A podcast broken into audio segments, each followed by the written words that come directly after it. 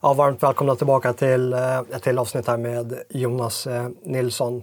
Och eh, Palestra Media har inte gått i graven. Eh, jag kommer däremot eh, byta namn på kanalen på, på Youtube till, till Jonas Nilsson och eh, har också avvecklat eh, hemsidan Palestra Media. Och anledningen till det är inte någon annan egentligen än att eh, jag är ganska ensam med, med produktionerna. Så, att ha ett medieproduktionsbolag representerar inte eller presenterar vad som, eh, vad som sker utan eh, jag är en ganska ensam aktör här på, på produktionssidan och eh, jag anser att i mitt eget namn gör produktionerna mer, mer rättvisa. Och det är många som har frågat oss vart eh, Anton har tagit vägen och eh, jag kan glädjande meddela er att eh, ni som saknar honom så återfinner ni honom på hans alldeles egna Substack.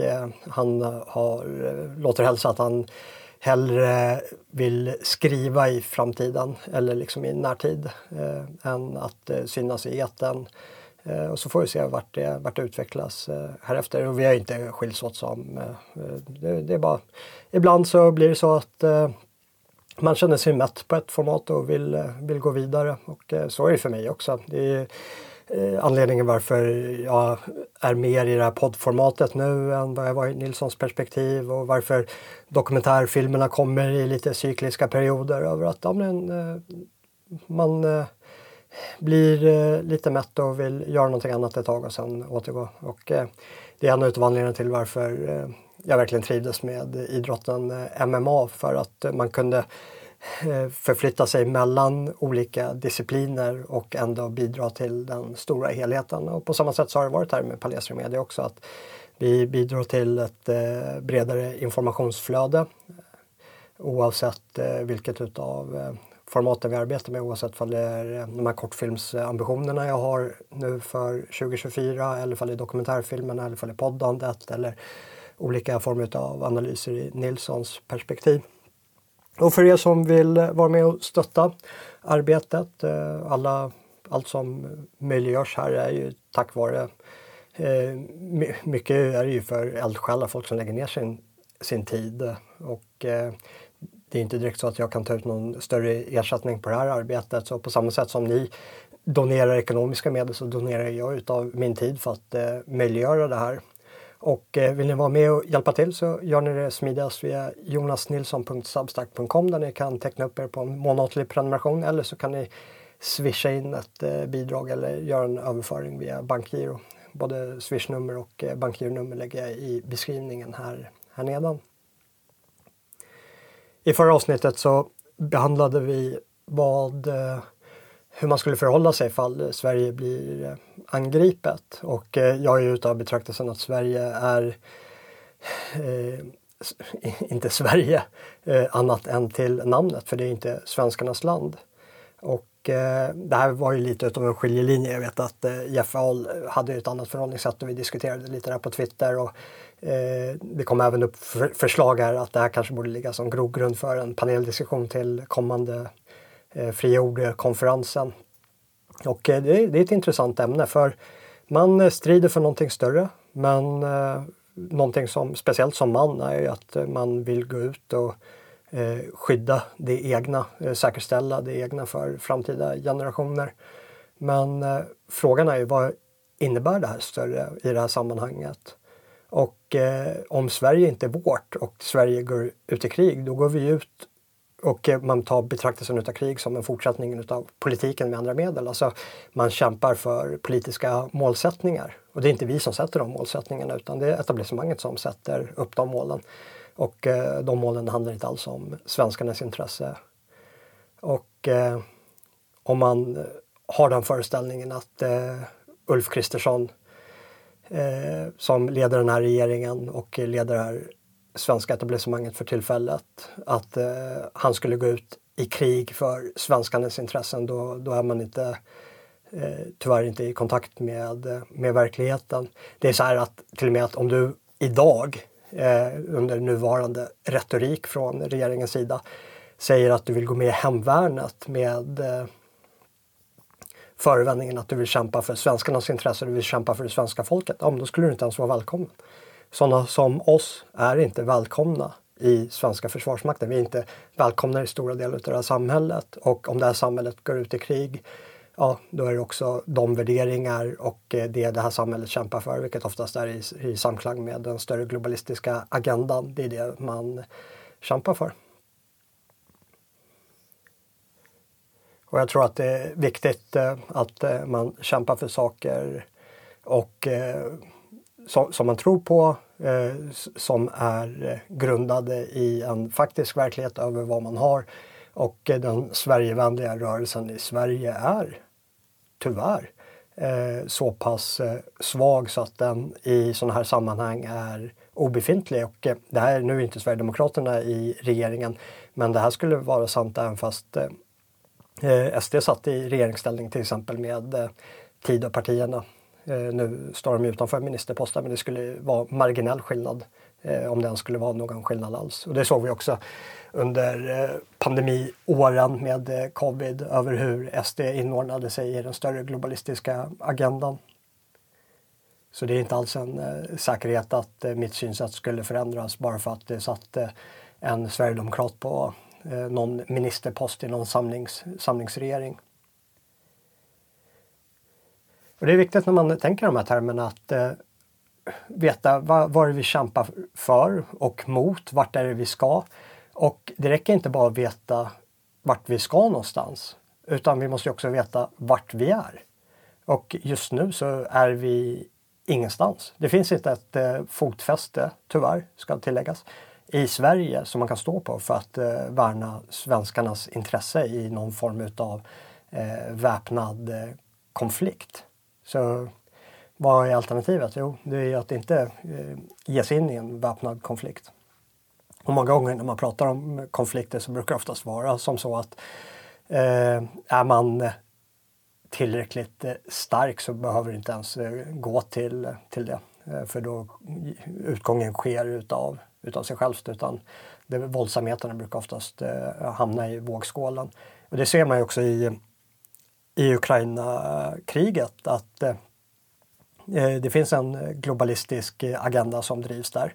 Eh, och det är också anledningen till varför kriget eh, fortgår. Hade globalisterna inte lagt sig i den här konflikten så hade det varit fredsförhandlingar för ett, två år sedan. Och det här är ingen konspirationsteori utan det här är ju läckta dokument som kommit från högsta ort där amerikanerna och eh, tyskarna utövade påtryckningar mot den ukrainska regeringen som var beredd att sätta sig på freds, eh, vid fredsförhandlingsbordet och eh, komma fram till en fred och sa till Zelensky med eh, den ukrainska ledningen att eh, det här ska ni inte alls göra. Eh, det här ska fortsätta och vi kommer stötta er.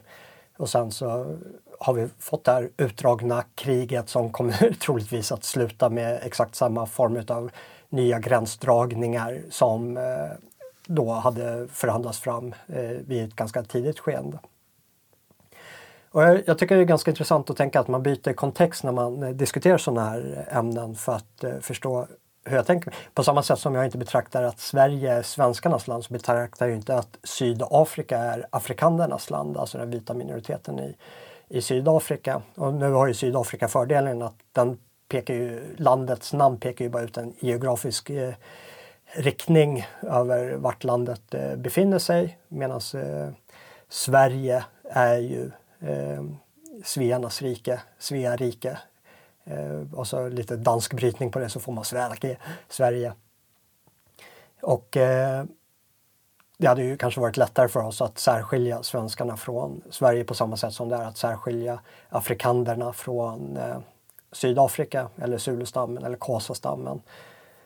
Och eh, om man då leker med tanken att ja, men Sydafrika eh, skulle bli angripet och eh, jag skulle höra från mina afrikandiska vänner att ja, men de ska ta värvning och ge sig ut eh, med den sydafrikanska armén för att kämpa för de afrikandiska intressena i det här kriget som leds av Cyril Ramaphosa och eh, Regeringen! Det, det är där någonstans, på samma sätt som jag förhåller mig när jag hör svenska patrioter eh, säga att de ska slåss för, för den här ordningen. och eh, tro sig kunna kämpa för svenska intressen med nuvarande ledning. Det, det, går inte, det går inte på samma sätt som det inte går för afrikanerna att ta till vapen och kämpa för ANC och Cyril Ramaphosa. Och eh, det blir lite av en brygga för jag tänkte att vi ska prata om eh, Sydafrika idag. Eh, jag tänker att jag ska åka ner dit. Dels så behöver jag kompletteringsfilma lite till min Orania-dokumentär som jag har suttit med. Och sen så sitter jag också på med och skissar på lite nya reportage som jag ska passa på att göra i samma, samma veva som när jag är där nere. Och ett ämne som jag tycker är ganska intressant är det här stora maktspelet. Och under de senaste årtionden. Eh, vi har ju Ukraina-kriget som pågår här och det har ju varit en del eh, utav en serie utav färgrevolutioner som eh, tog sin början för 20-30 år sedan och har fortsatt sedan dess. Och de här färgrevolutionerna, varav Ukraina är väl den som är mest känt nu och som har pågått under längst tid, har varit ett centrum för en stormaktspolitik. Och eh, de här färgrevolutionerna framställs ofta, framförallt i västerländsk media, som att de är spontana och att de är gräsrotsdrivna rörelser som kämpar mot eh, korrupta regimer som är eh, antidemokrater, som är tyranniska mot det egna folket.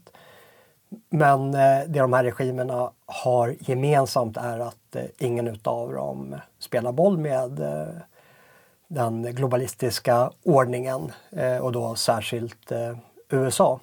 Varpå att eh, många av de här färgrevolutionerna har haft starka, starkt stöd från eh, USAs olika förgreningar som till exempel eh, CIA och varit med att eh, påverka de här rörelserna och underblåsa dem.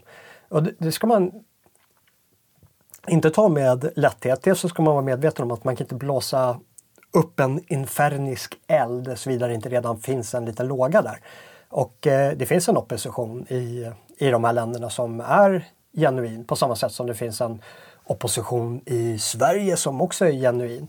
Och en del utav eh, den här stormaktspolitiken på den internationella arenan är ju att det spelar inte så stor roll vilken opposition det är om det tjänar en stormakt till att eh, få ett, eh, ett rotationsbyte, ett eh, elitskifte i det här landet. Och det behöver inte nödvändigtvis bara vara för att oppositionen kommer tjäna den här stormakten som eh, underblåser dem. Eh, utan det kan helt enkelt vara att eh, det kommer missunna eh, den andra stormakten. Till exempel varför Ryssland, eh, rysk engelskspråkig media gärna lyfter upp frågor som ligger Sverigedemokraterna nära, vilket sen då används av vårt etablissemang för att påvisa att ja men kolla här, SD är ju Rysslands vänner för ryssarna rapporterar samma sak, eh, samma, pratar kring samma talpunkter som eh, som Sverigedemokraterna pratar om eh, rörande till exempel problematik med invandringen. Och då ska man ju vara medveten om att den här eh, påverkansoperationen från Ryssland med Russia Today där de eh, underblåser de här frågorna som Sverigedemokraterna står för, gör de med ena handen samtidigt som de med andra handen arbetar med migrationsströmmar för att eh, destabilisera eh, europeiska länder. Eh, nu behöver de knappast göra så mycket utav sådana påverkansoperationer för att eh, vi har ett förrädiskt styre i hela Europa så vi, vårt eget styre sköter det där ganska bra. Men ett konkret exempel är ju till exempel eh, det som var stora rubriker med eh, Vitryssland och Polen när eh, vitryssarna släppte igenom migranter och eh, försökte storma den polska, polska gränsen. Och på samma sätt så har Russia Today som när de rapporterar i Amerika gärna underblåser mer eh, libertarianska strömningar, icke-interventionistiska strömningar. Eh, vilket är en, definitivt en retorik de inte har på sin egen hemmafront. Så det är så här stormakter arbetar och det är inte konstigt att eh, eh utifrån det här perspektivet att förstå att när Eh, det blir de här underblåsningsströmmarna i länder där eh, USA har intresse av att eh, få ett skifte i regimen för att den nuvarande regimen inte spelar boll med USA eller den globalistiska agendan. Att de kommer göra allt som står i sin makt för att den här revolutionen ska få luft under vingarna och ta fart och byta ut ledningen. Och guldscenario är ju att, får man tänker sig makten som ett nollsummespel, att ja, men här tar vi eh, inflytande från Ryssland och överför det rakt eh, till oss eh, i, i USA. Vilket då skulle då till exempel vara eh, fallet med, med Ukraina.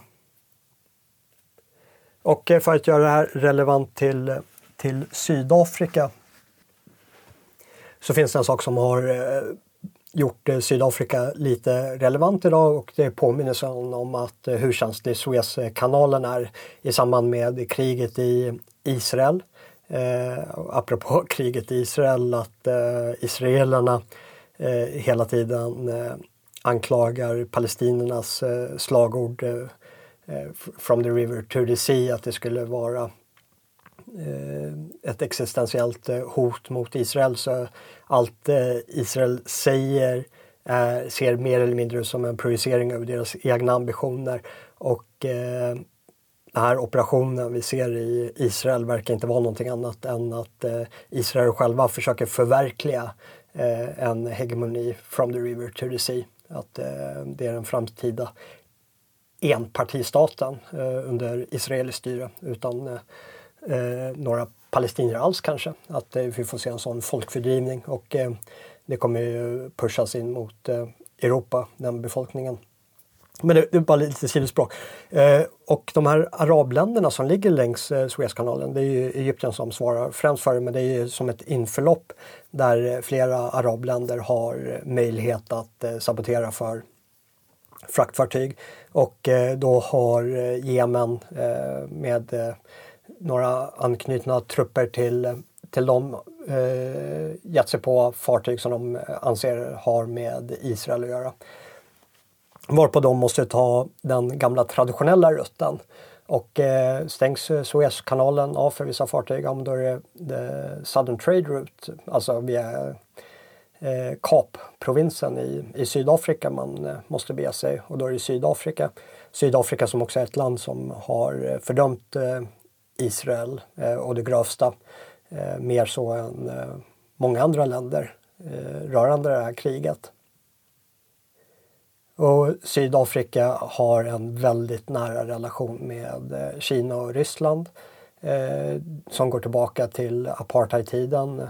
En stor anledning till varför apartheid föll när det föll, eh, i, enligt min mening, är att eh, världskommunismen föll i samma, samma veva. Eh, apartheidregimen var ju en allierad till, till västmakterna för att eh, förhindra eh, ett alltför stort eh, inflytande från eh, Ryssland och Kina i, i Afrika i de eh, revolutionära rörelserna som eh, blåstes till liv eh, där utav ryssarna och eh, sovjeterna och eh, kineserna.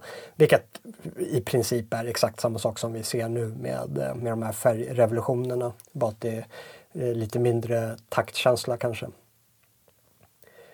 Så på samma sätt som eh, Sovjeterna och Kina stödde Robert Mugabe i eh, dåvarande Rhodesia och eh, det blev Zimbabwe sen en nära samarbetspartner med eh, de här socialistmakterna så var det ju också de som stöttade ANC eh, utav man, det blir lite så här, vad, vad kom först, hönan eller ägget? Eh, stöttar de eh, ANC för att få regimskiftet i Sydafrika för att eh, de var västligt sinnade eller var det amerikanarna som eh, såg eh, den enda möjliga samarbetspartnern i södra Afrika var den här vita minoritetsregeringen för att eh, se till att eh, den här kommunistledda revolutionen inte skulle äga rum. Så det var ett stort, stort krig i södra Afrika, eh, framförallt i Angola som är mest känt. Eh, där eh, den vita sydafrikanska minoritetsregeringen kämpade mot eh, kommunister från framförallt eh, Kuba och eh, även Sovjet. Och det här föranledde ju att eh, många av ANC-representanterna som behövde gå i exil, att eh, de utbildades av Sovjet och eh, fick uppehälle i, i Moskva. Och det här lever ju kvar, det här samarbetet lever ju kvar med eh, maktskiftet då från apartheid till eh, ANC. Man kan prata om eh, nästan som en enpartistat. ANC har styrt eh, Sydafrika i egen majoritet sedan sen de fick eh, makten 94. Och eh, även fast eh, Sovjet föll så eh, har ju samarbetet eh, levt kvar och eh, har ju tagit sig kanske i något så formaliserat uttryck med, eh, med BRICS. Och det här är ingenting som kommer att eh, förändras i, i närtid. Och eh, här, härom året eh, så avslöjades det också att eh, Sydafrika trots eh, lovad uttalad neutralitet i förhållande till Ukraina-kriget eh, eh, ordnade med eh, vapenleveranser till, till Ryssland. Det var ett eh, ryskt eh, fartyg som gick i hamn i Sydafrika som eh, sydafrikanerna fyllde med, med vapen. Och eh, Sydafrika går också in nu eh, för, på ett eh, valår här 2024 och eh, ANC kommer att fortsätta att behålla makten i, i Sydafrika. Och som sagt, de har haft egen majoritet sedan apartheid eh, upphörde. Eh, däremot så börjar de tappa lite och eh, så den möjliga konstellationen är att ANC kommer att få ett stödparti i form av EFF som är ett ännu mer socialistiskt kommunistiskt parti som ligger ännu närmare Ryssland än vad ANC gör. Så det är verkligen ingen skillnad i den här analysen fall det skulle bli så utan snarare att det blir starkare slagkraft. Och eh, då kan man prata om eh, två former utav eh, intressen här som kan ligga till grogrund för en framtida färgrevolution i, i Sydafrika. Dels har vi de interna intressena i Sydafrika och sen så har vi då externa intressen varför det skulle då ligga i globalisternas intresse till att eh, vilja vara med och underblåsa en, en sån här konflikt. Om vi då börjar med de interna intressena så är Sydafrika en regnbågsnation. Eh, det är en eh, mångkulturell stat. Det eh, är 11 eller 12 officiella språk. Så det är många stammar och många av de här är ju också geografiskt avgränsande. Att det finns en, olika provinser har mer eller mindre en stam i sig. Till exempel Zulustammen är borta vid KwaZulu-Natal. Och eh, i den här äh, floran utav olika former av stammar så finns det en enda provins som inte styrs utav ANC och det är också den äh, mest äh, välskötta provinsen. I min mening så är Sydafrika att betrakta som flera länder. Vissa områden är verkligen Afrika medan andra områden är mer som Europa och ett av de områdena är Västra Kapprovinsen. Och den styrs av ett eh, liberalt oppositionsparti, Democratic Alliance. Och Democratic Alliance är ett riktigt eh, globalistparti. Eh, de är eh, socialliberaler ute i fingerspetsarna. De tror på den här eh, regnbågsnationen i Nelson Mandelas anda. Och eh, det är väl här det börjar bli en skiljelinje mellan, eh, mellan ANC och eh, Västra Kapprovinsen. För det som har eh, hänt i Sydafrika är att landet har blivit i sämre och sämre skick för varje år som går. Eh, jag vet inte i hur många år nu faller vi inne på tredje året utav eh, rullande strömavbrott. Att eh, eh fastigheter, hus inte har elektricitet på upp till 12 timmar per dag på grund av att eh, eh, den sydafrikanska myndigheten inte kan eh, upprätthålla elnätet. Det är på, på den nivån där samtidigt som övrig infrastruktur också är havererad och arbetslösheten rusar, kriminaliteten rusar, eh, det, fattigdomen rusar och det är inte ett välmående land. Det är, det är underdrift. Det börjar mer och mer likna en fallerad stat i många avseenden där centralmakten inte kan upprätthålla de mest eh, grundläggande förväntningarna man har på en, eh, på en stat.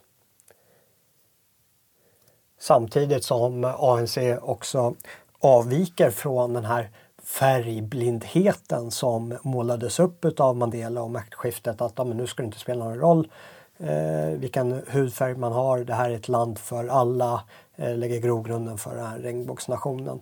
Och eh, desto sämre det har gått för Sydafrika, desto mer så har ANC och, eh, skyllt på det tidigare förtrycket, att eh, vissa saker inte fungerar och försöker vrida upp att åtgärda de här eh, påstådda historiska orättvisorna genom att eh, vidta ännu stramare åtgärder mot den vita minoriteten. Och sen så har det här eh, oppositionspartiet på vänstersidan, EFF, då, som anser att det görs för lite på det här.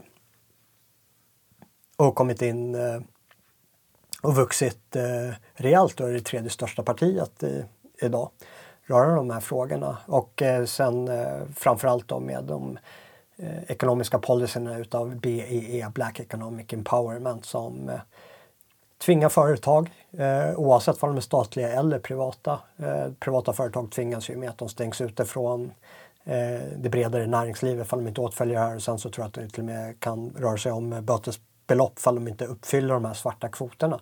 Och de här svarta kvoterna är att du måste anställa en svart framför en vit. Eh, kompositionen på företaget måste reflektera Sydafrika i sin, i sin helhet. Och eh, gör du inte det, ja men då får du inte ta del av det offentliga livet. Och eh, myndigheterna sköter ju det här eh, till punkt och pricka till den graden att eh, det inte ens reflekterar samhället i sin helhet utan det är 100% svart. Är du vit så gör du icke besvär. Och det här är någonting som går emot den här eh, regnbågsnationens eh, ideal. Eh, och anledningar som dessa eh, över hur misskött landet är, hur vilken korruption det är. Eh, de här rasbaserade lagstiftningen eh, har gjort att det har uppkommit en väldigt stor självständighetsrörelse i Västra Kapprovinsen.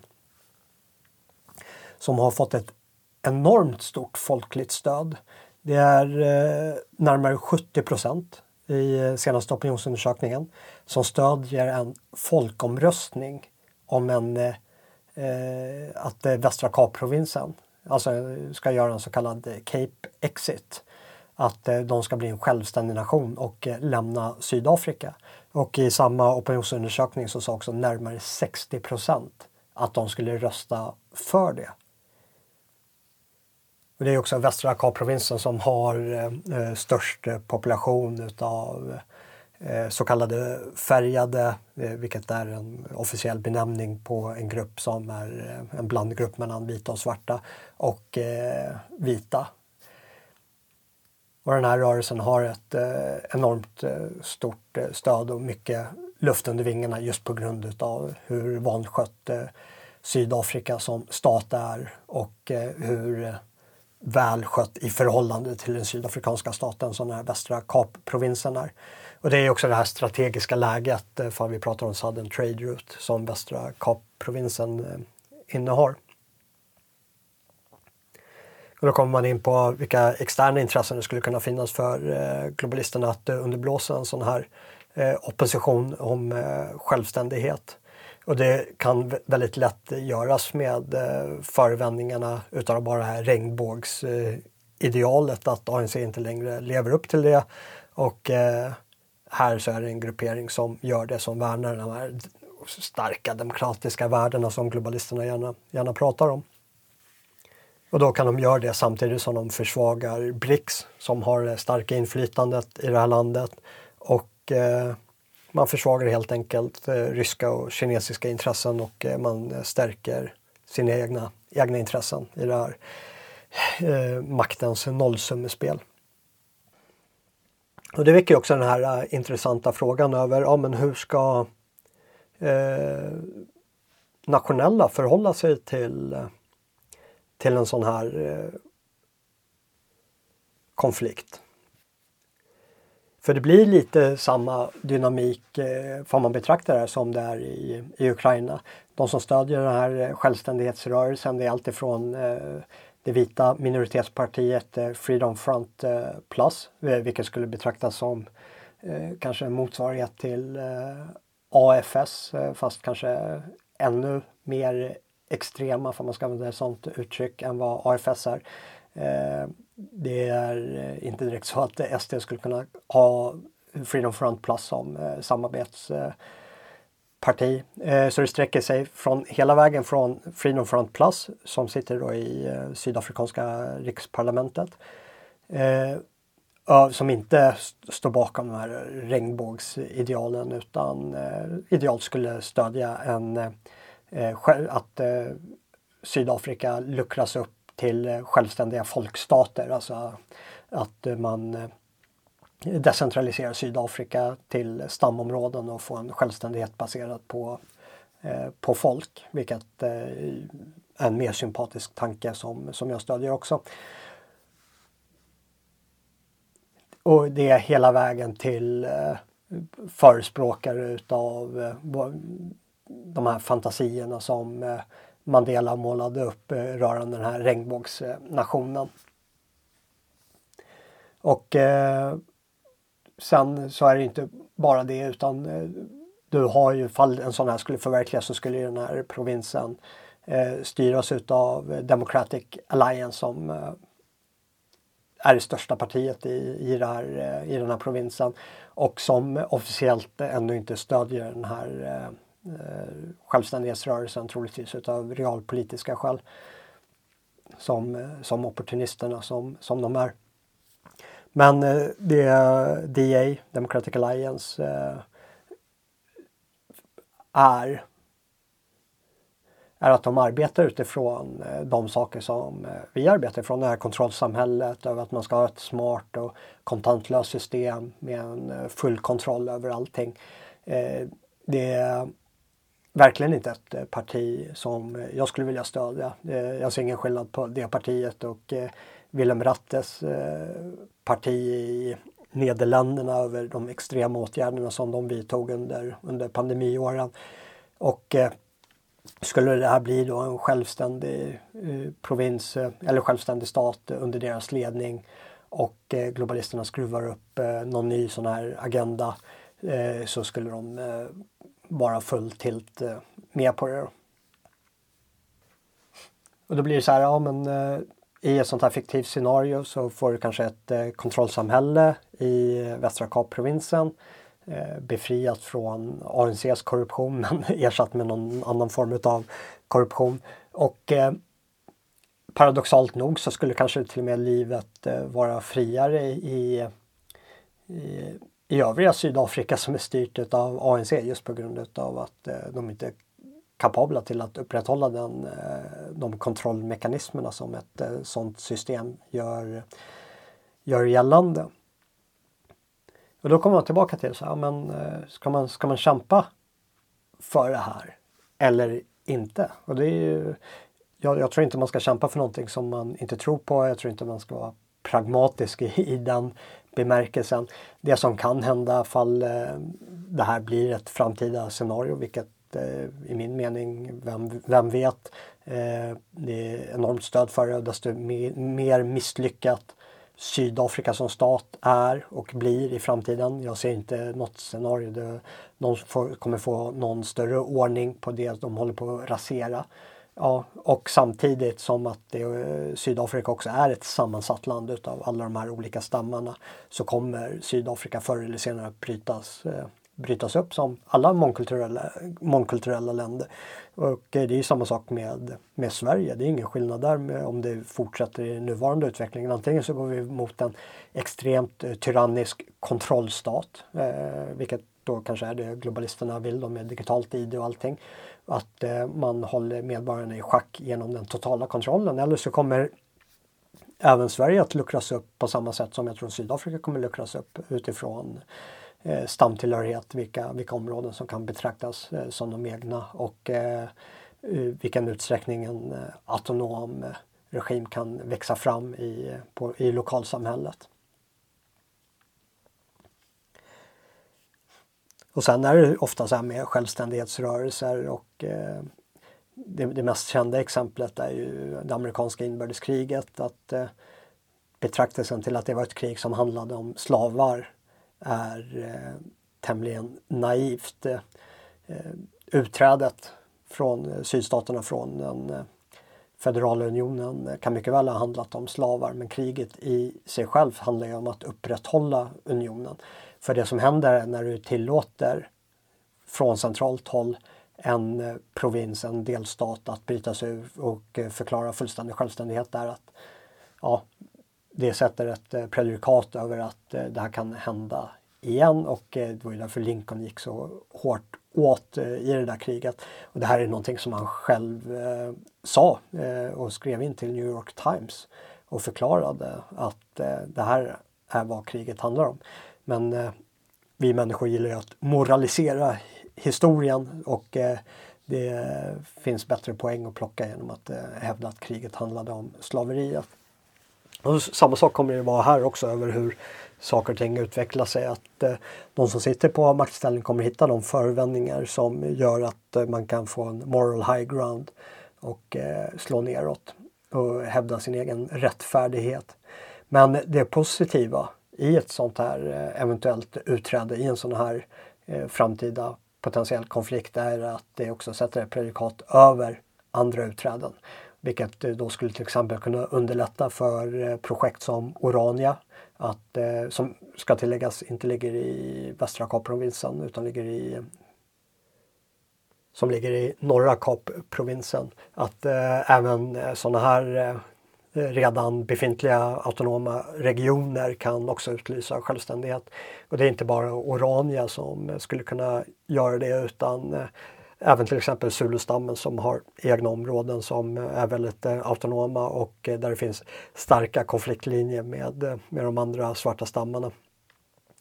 Mycket av de här eh, större politiska konflikterna går också att eh, knyta an till stamtillhörigheten som vi till exempel såg med Jakob Zuma när han dömdes och eh, Zulestammen gick ut och, eh, och härjade.